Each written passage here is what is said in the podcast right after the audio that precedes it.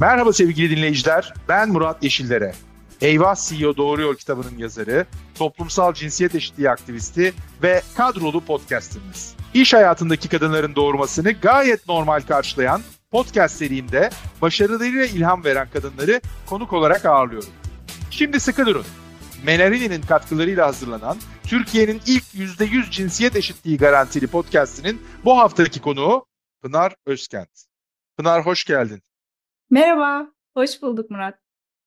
Evet, bugün konuğumuz Pınar Özkent. Ee, detaylı olarak konuşacağız. Konuşacak çok konu var. Pınar Özkent kim diyorsanız ben şöyle tanıtarak başlayacağım. Oradan başlayalım. Haddini Aşanlar Kulübü'nün kurucusu. İstersen buradan başlayalım. Haddini Aşanlar Kulübü ya da haddini aşmak ne demek? Razı olmasınlar istedim aslına bakarsan Murat. Çünkü biz çocukken, çocukluğumuzdan beri daha doğrusu hep razı olarak büyüdük. İşte aman yapmayalım, aman işte sesin çıkmasın, kız çocukları hele işte babasının yanında şöyle oturmasın, böyle yapmasın falan. Geleneksel de bir aileydi bizimki. E, dolayısıyla şey hani biraz böyle zinciri kıran, var olan kariyerine razı olmayan, yeni şeyler öğrenen, haddini aşan e, insanlar olsun diye aslında eşimle birlikte kurduk, Bora ile beraber. E, dolayısıyla o bu işin biraz daha refah tarafından tutuyor. Ben bu işin biraz daha profesyonel gelişim tarafında, kariyer tarafında tutuyorum. Herkesin bir işte yan işi olması, bir solo girişimci olması, yeni teknolojiye ve dünyaya adaptasyonu konusunda yazıyoruz, çiziyoruz, konuşuyoruz Haddini Aş'ta. E, bu bir üyelik sistemi, bir yıllık bir üyelik sistemi. Türkiye'de bunu ilk yapan biziz. O bizi çok e, heyecanlandırıyor. Dört yıldır var Haddini Aşk Kulübü. Yurt dışında çok örnekleri var ama Türkiye'de hala şey böyle hani e, subscription modelli, e, abonelik modelli gelişim konusu gel bence Türkiye'nin bir gelişim alanı. İnşallah da birçoklarına ilham olur diye söze başlayayım. Çok teşekkür Güzel, ederim güzel. sorduğun için. Güzel bir şey. Ee, gene buradan da devam ediyorum. Başka bir mülakatında da diyorsun ki ben cici kız olmak istemiyorum. Cici kız Evet. olmak ne demek? İşte o, edebinle otur sen işini yap. Eee, aman kızım sakın ayrılma işinden gül gibi işin var olmak istemiyordum zaten olmadım ama onu olmamak 17 yılımı aldı. Yani 17 yıl kadar kurumsalda çeşitli firmalarda çalıştıktan sonra e tamam artık eee salla başını al maaşını olmayacak benim bir haddimi aşmam lazım diyerek zaten eee, işte istifa ederken de ne yapacaksın niye istifa ediyorsun?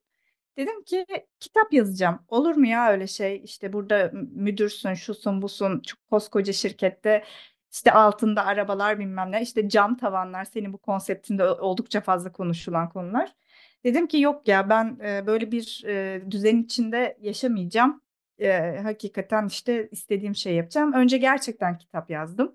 Sonra e, çocuğum oldu.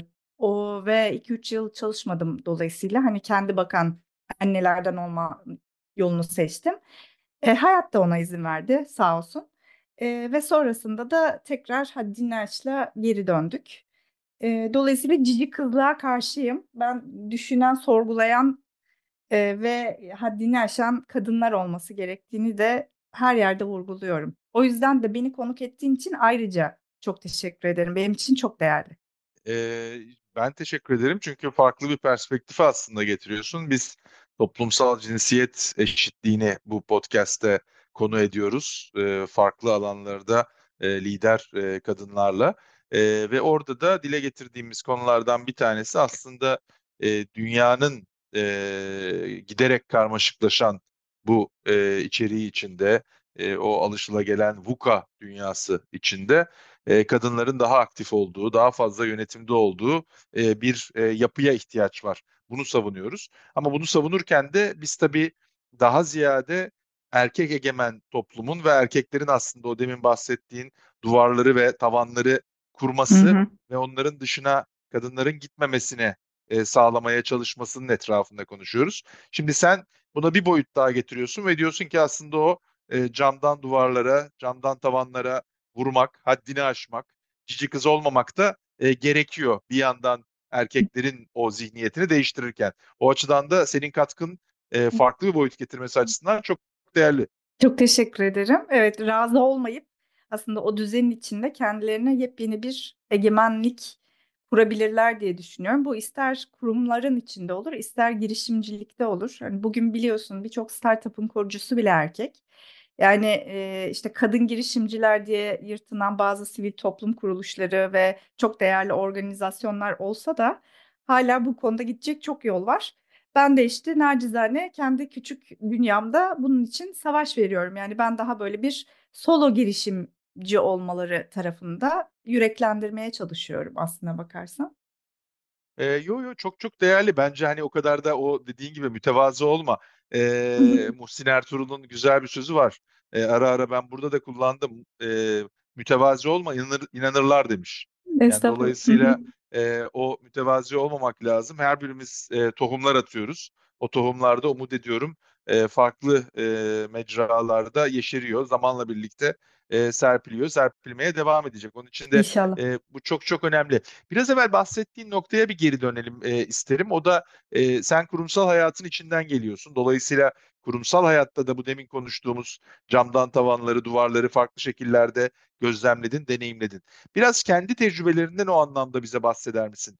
E, hani bu anlamda bu e, yeter ben artık bu e, duvarları tavanları yıkacağım ve onun için farklı bir yola gideceğim deyip kendi e, yolunu açmışsın ama kurumsal hayatın içinde bunu yapmak ne kadar mümkündü veya seni bu anlamda çok sınırlandığını, aşağıya çektiğini e, hissettiğin anlar oldu mu? Hı hı. Teşekkür ederim. Güzel soru. Ee, 7 yıl önce ayrıldım. Hala hatıralar taze diyeyim. En son çalıştığımda Türkiye'nin o dönemler işte kendi teknoloji firması olarak e, konumlandırmaya çalışan ama en büyük ope- operatörüydü aslında. 10 yılım orada geçti. Ee, Teknoloji firması olduğu için evet erkek egemen. Ee, işte birlikte iş yaptığımız ben marketing, pazarlama kökenliyim. Daha sonra Turkcell Akademi'de e, yöneticilik yaptım. Ben Turkcell'de çalışırken teknolojiye çok e, ciddi yatırım yapıyorlardı. O anlamda aldıkları herkes de maalesef ki erkekti. Şimdi onun iki boyutu var. Yani gerçekten kadın mezun bulamamaları ayrı bir şey. Ama aynı zamanda da işte e, bu işten erkek anlar, bu iş erkek işi kimliği bir şekilde giyilmiş oluyor.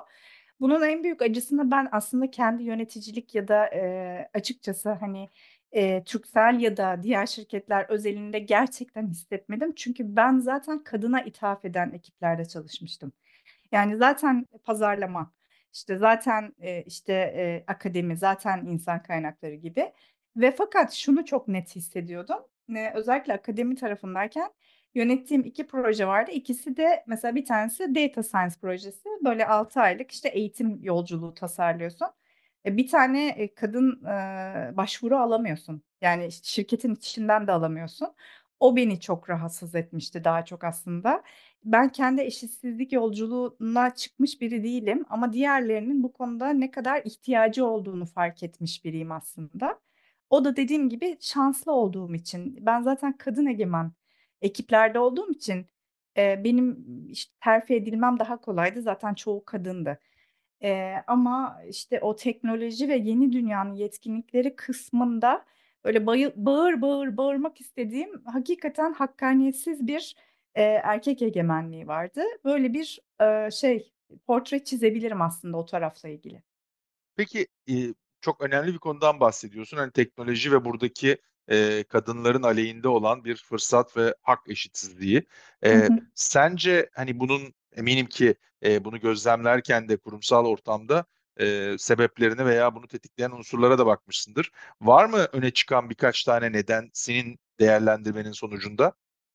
Ee, şey konusunda mı? Yani kadınların e, niyetsizliği mi yoksa insanların bakış açısı mı? Valla ikisi de aslında nedenlerden Hı ama iki tarafı da konuşmak isterim ben. hı hı İstersen birinci olarak hani hı hı bu e, senin farklı şekillerde dile getirdiğin ön yargılardan veya algıdan bahsederim. Hani teknoloji hı. hı. erkek işidir e, ön yargısından başlayabiliriz belki konuşmaya. Şimdi Murat bu o kadar derin bir konu ki e, geçenlerde e, TEDx'te e, teknolojide kadın eşitliği ile ilgili bir şeyler anlattım. Orada da e, işte ay, konuşmaya hazırlanırken işte birçok veri analiz ettim. Biraz bakınmak istedim. E, yapay zekanın bir kere her şeyden önce bir pozitif ayrımcılığı var. Ee, ve o erkeklere e, istinaden yapılmış bir pozitif ayrımcılık. Senin soruna şöyle bağlayacağım. Yani insandan öte zaten insan bu sistemi yapan insanlar yap, yapay zeka kim e, kodluyor? Sonuçta insan kodluyor. Zaten onlar erkek olduğu için yapay zeka da daha e, işte erkek egemen bir e, şey, sistem haline geliyor. Şöyle bir örnek vereyim. Yapay zeka bazlı bir e, dil e, programı. E, buraya gelmeden önce şeyi deniyorum. Dedim ki Türkçe yazıyorum. O bana İngilizcesini çevir. E, o bir mühendis. He is an engineer. E, o bir yazılımcı. He is a e, programmer. O bir hemşire. She is a nurse. Yani çok acı ki e, doktor yazdım erkek. E, yazılımcı yazdım erkek. Mühendis yazdım erkek. Hakim yazdım erkek. E, siber güvenlik uzmanı erkek. insan kaynakları uzmanı kadın. Pazarlama kadın. Şimdi öyle bir ironi var ki ortada. Yani he or she demiyor alet bir araştırma daha var. Çok çok yeni yapılmış. E, bu şeyler var ya üretken yapay zekayla e, resim yani görsel çiziyorlar. Orada işte şey diyorlar bana bir hakim çiz. İşte prompt veriyorlar. E, çizdiği şey erkek. E, bana bir yazılımcı çiz, çizdiği şey erkek. Yani sadece dil değil görsel olarak da. Şimdi e, eşitsizlik ya da işte teknolojideki teknolojideki bu problem derken çok yönlü bakmak lazım. Zaten gözümüzün önüne sokulan da bir şeyler var. Ya bu sadece hani e, artık e, insan bağımlı değil, öğrenen ve tehdit edecek yapay zeka için de acil önlem almamız gereken bir şey. Çünkü buradaki eşitsizlik işte UNESCO'da falan gündemde ama hani biz e, işte kendimiz de nacizane çevremize ne kadar duyurabilirsek. Dolayısıyla işin bir bu boyutu var. Bu çok acı. Bu çok bu çok çarpıcı bu söylediklerin.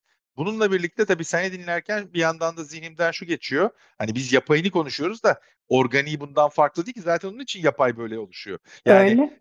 bu Yüzde yüz. bahsettiğini muhtemelen e, belki e, ortaokul ve üstü seviyedeki toplumun yüz. değişik kesimlerine de sorsak aynı cevaplarla Aynen. karşılaşacağız. Evet, zaten yapay zekayı yapan e, insan olduğu için o zihniyet buraya da bulaşıyor ve maalesef e, sevgili yapay zeka kendi öğrendiği için bunu böyle öğrenmeye devam ediyor. E, dolayısıyla olay tabii ki insandan başlıyor. Şimdi e, bugün dünyada bu m, teknoloji alanında çalışan kadınların oranı yüzde 28. Yani teknoloji dediğimde bu STEM dediğim dünya. Yani işte bilim, mühendislik, matematik e, bu şeyde ekosistemde çalışan yüzde 28'i sadece kadın. Türkiye'de oran kaç? Yüzde 12. E, dolayısıyla zaten dünyada da bir gelişim ihtiyacı olduğu gibi Türkiye maalesef ki güzel yurdum daha çok yerlerde.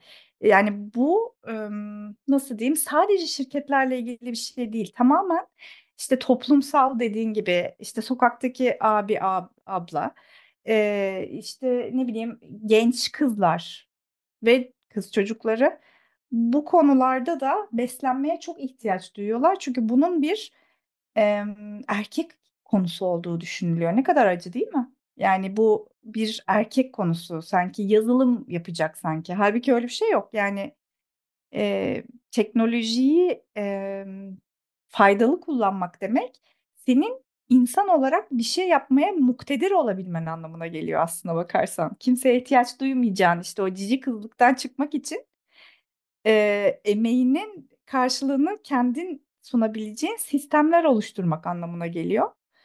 E, bir örnek vermiştim geçenlerde işte. Ya arkadaş sen gidip köprü yap demiyorum inşaat mühendisliği okuda. İstiyorsan e, saçının bir kısmını düz bir kısmını kıva- kıvırcık yapan makine icat et. İstediğin, hayal ettiğin şeyi yapabilmeye muktedir olmak için önemli bu teknoloji boyutu.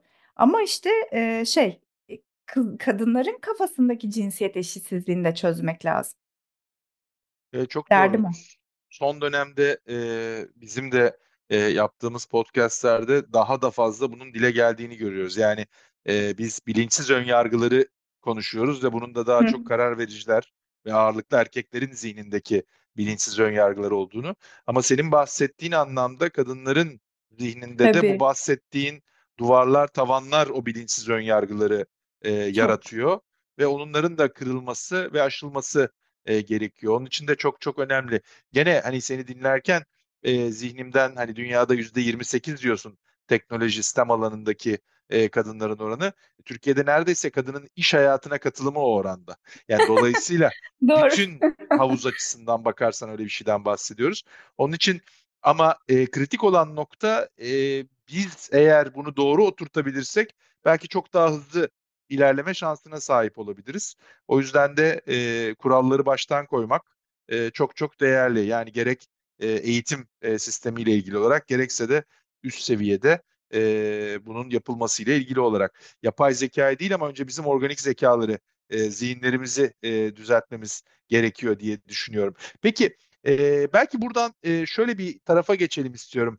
E, bizim e, podcastimizin destekçisi Menarini, onların bizimle paylaştığı e, kaynakta e, bizim tarafımızdan gene toplumsal cinsiyet eşitliği alanında çalışan sivil toplum örgütlerine e, yönlendiriliyor. E, Menerini konuklarımıza şöyle bir soru sormamızı istiyor. E, elinizde sihirli bir değnek olsa, toplumsal cinsiyet eşitliği konusunda e, devrimsel bir değişim yaratmak üzere neyi değiştirdiniz? Çok güzel sormuş. Ne güzel sormuş. Ee, şimdi teknolojiden gidince oradan devam edeyim müsaade edersen. Ee, çünkü benim sihirli de değneğim yani geleceğe yönelik olacak. Sihirli değneği kız çocuklarına e, sistem aşkı yaratmak. Yani bu işte bilim, teknoloji ve mühendislik tarafında sistem aşkı yaratmak için kullanırdım. Şöyle bir değneği savurayım da bu kız çocukları da şöyle bir robotlarla oynasın diye. E, ve paralelde tabii ki ailelere, özellikle kızlı olan ailelere çok iş düşüyor çünkü. E, bunu yapmamın sebebi de hani onların neden çekindiğini aslında az çok biliyor olmam. E, yani bu sihirli değnekle şu korkuları yenmelerini çok isterdim Murat. İşte doğuştan yetenekli olduğuma inanmam lazım matematikçi olabilmem için. Bu bir ön yargı bir yalnızlık önyargıları var. Ee, kızların, kadınların işte bu alanda çalışan çok insan yok. Bu alanda işte e, üniversitede 50 erkek, 3 kız mı okuyacağız? Yani bu tip böyle e, yalnızlık kaygıları var. Onları şöyle bir o sihirli de- deneyimle silmek isterdim. Ve tabii ki rol model eksikleri var. O da işte hani annelerine bakıyorlar. Çoğunluğu yine STEM alanında çalışmadığı için. Genelde öyle olur ya annesi doktor olan doktor olur mesela daha çok ya da onu daha çok öyle düşünür. Ee, bu sihirli değnek hani bu rol model eksikliğinden kaynaklı kendi dezavantajlı hissedenlere, yalnız kalacağım o yüzden ben mühendislik yazmayayım diyenlere, doğuştan yeteneğim olsun diyenlere gelsin. E, çünkü e, 2030 yani çok az kaldı. E, 600 milyon çalışan dünya çapında işsiz kalacak. Yani çok hızlı geliyor ve maalesef ki bunun e, çoğunluğu kadın. Yani Evet, doğru. çok çok kısa bir zaman var önümüzde ve kadın yani hani baktığımızda o sihirli değneğe çok hızlı ihtiyacımız var. O yüzden iyi ki var sponsorumuz da. Bir buçuk kat daha fazla etkileniyor kadın yapay zeka otomasyonunda. Şöyle söyleyeyim. E, bu 600 milyon işsizin yani 10 kadından 8'inin işi değişecek. Daha genel bir şey söyleyeyim. 10 kadından 8'i. Çünkü en çok otomasyona e, kurban gidecekler kasiyerler, perakende satış görevlileri. Aklına ne geliyor cinsiyet olarak? Önyargılı davranmayalım. Evet, evet, evet. Yani yani şey Ama çok asistanlar çok önemli söylediğin şey. Yani özellikle hizmet sektöründe bu anlamda e, çok büyük istihdam kaybı yaşanacak. çok yani o yüzden bu cinsiyet eşitsizliğinin yani yapay zeka ile olan tarafını o yüzden çok kafama takmış durumdayım. Çünkü benim bu insanları sanki kurtarmam gerekiyor gibi hissediyorum. Yani benim senin hepimizin ama e, dolayısıyla hani akıllarına başlarına alıp hani hem kız çocuğu anne, ailelerinin geleceğe bu anlamda yatırım yapması hem de kadınların bu eşitsizliği kabullenmiyor olması lazım ya. Haddinizi aşın. Hakikaten kabullenmeyin yani. Bırakın ne düşünüyorsa düşünsün adam. Ee, şey sen kendi hayatından sorumlusun. Sinirlendim. Evet evet sen yükseldin fark ettim onu. Aynen. Ee, bu noktada e, daha fazla sağlık, daha fazla mutluluk ve daha fazla hayat misyonuyla bize destek veren Meneri'ne tekrar e, Çok teşekkür teşekkür edelim. Toplumsal cinsiyet eşitliği anlamındaki mücadelemize verdiği destek için teşekkür ederim. Ee, biz e, devam edelim. E, buradan da aslında belki e, sen ara ara farklı noktalarda değindin ama e, biraz daha da toparlamak adına. Şimdi benim inancım e, bu konu yani toplumsal cinsiyet eşitsizliği konusu bir erkek meselesi. Yani erkeklerin bu anlamda değişmesi gerekiyor. Zihinlerini bizim değiştirmemiz gerekiyor. Yani ben sihirli değneğimi öbür tarafta kullanmanın e, çabası içindeyim. E, ama sen hem yaptığın iş itibariyle bu mentorluk çalışmaların, koçluk e, gayretlerin içinde Hı hem hı. de dokunduğun insanlar çerçevesinde e, o haddini aşma kısmını ve e, kadınların o camdan duvarları, tavanları da yıkmasının öneminin de altını çiziyorsun. E, bu çerçevede e, dokunduğun kadınlarda bu anlamda verdiğin tavsiyelerin şöyle bir geneline baktığında tespit ettiğin e, bir iki tane daha farklı yapabilecekleri, e, daha spesifik tavsiyeler veya e, onlarla paylaşabileceğin öneriler var mı? Hı hı. Ee, sen erkeklerin sorumluluğuna yüklenmiş durumdasın. Ben kadınların gibi oldu. Kadın erkek muhabbeti çok da hoş oldu. Şimdi e, çok yakın bir arkadaşım var. E, üretken yapay zeka alanında çalışan bir kadın. E, 6 yaşında bir çocuğu var. E, ve eşiyle de gayet mutlu mesut bir evlilikleri var. Bunu yapabiliyor olmasının sebebi ve bu dün yani dünyada bu konuda e, iş- işini hiç kaybetmeyecek ve yükselecek kadınlardan biri olacağına eminim. Bunu yapabiliyor olmasının sebebi eşinin sonsuz desteği.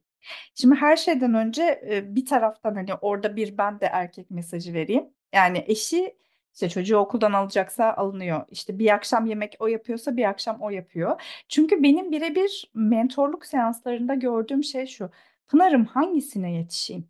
İşte akşam yemeğini mi düşüneyim? Yani bu mesela yazılımcı danışanım çok vardır benim.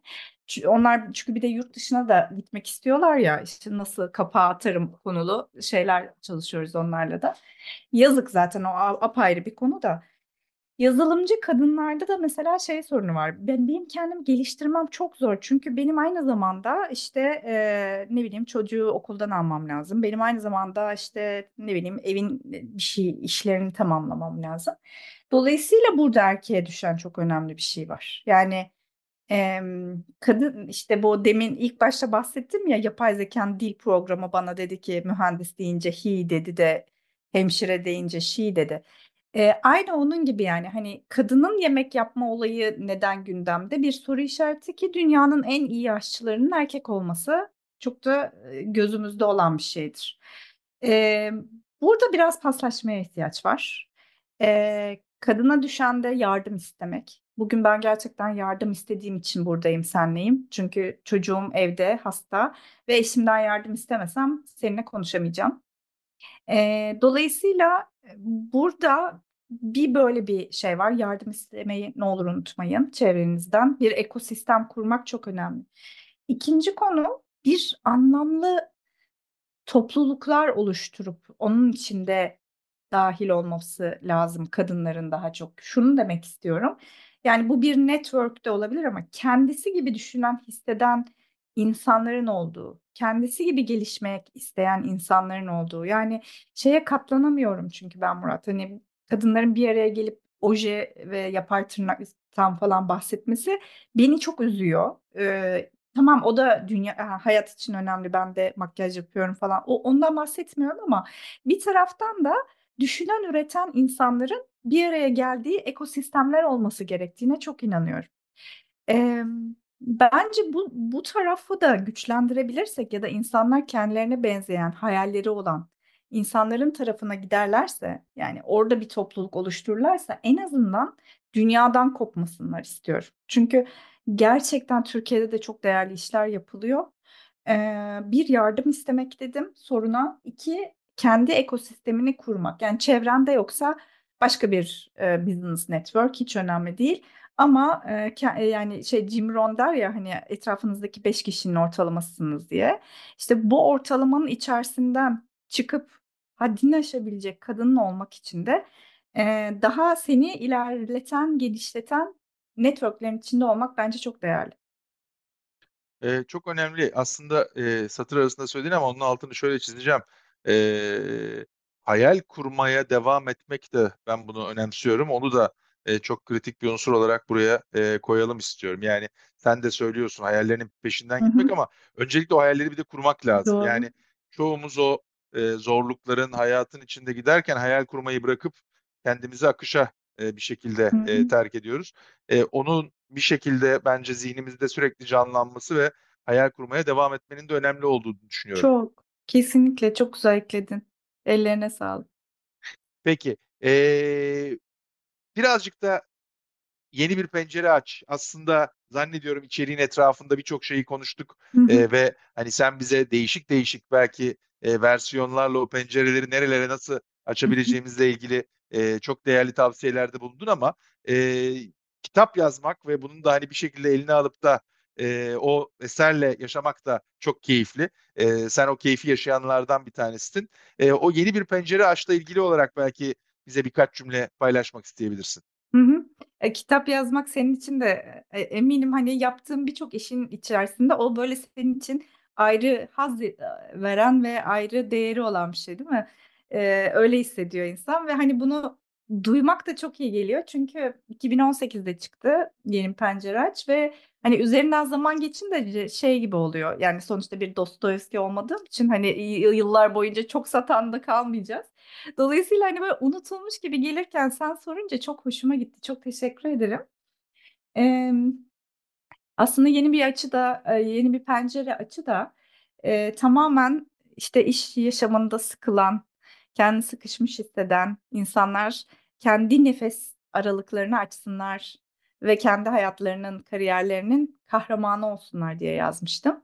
Ee, burada hani kadın erkek gözetmeksizin aslında e, hepimizin razı olmamaya takık olduğum e, fiil olduğu için söylüyorum. Razı olmamaya ve kendi kariyerimizi yap, yapılandırmaya ihtiyacımız var. Ha bu işte işten sonra çıkıp bir tasarım atölyesinde çalışmak da olabilir. Bu işte aşçı olacağım deyip elini sarımsağı bulamak da olabilir. Bu işte e, bir podcast e, yapmaya karar vermek de olabilir. Ve fakat nefes aldığımız sürece kendimizden, hayatımızdan, hayallerimizden sorumlu olduğumuzu açıklıyoruz. Açıklayan bir kitap aslında Yeni Bir Pencere Aç. E, başkasından bekleme. Açacaksan sen aç konulu. E, çok da e, böyle moralle, motivasyonla yazdığım e, bir kitaptı. Elma Yayın Evi'nden çıkmıştı 2018'de. E, çok teşekkür ederim. Bahsetmek bana da çok değerli geldi. Larusken biz teşekkür ederiz. İyi ki bugün bizimle oldun. Çok çok teşekkürler. Bize de yeni bir pencere açmış oldun. Ee, hem e, paylaştıkların için hem de bu keyifli sohbet için teşekkür ediyorum. Ben teşekkür ederim. İyi ki geldim, iyi ki çağırdın, iyi ki varsın. Kitabını da çok keyifli okudum. İnşallah ilham vereni bol olsun. Ee, çok teşekkür ederim her şey için. Eyvah CEO Doğruyor da bu hafta konuğumuz Pınar Özkent oldu. Önümüzdeki hafta farklı bir kadın liderle tekrar karşınızda olmak dileğiyle.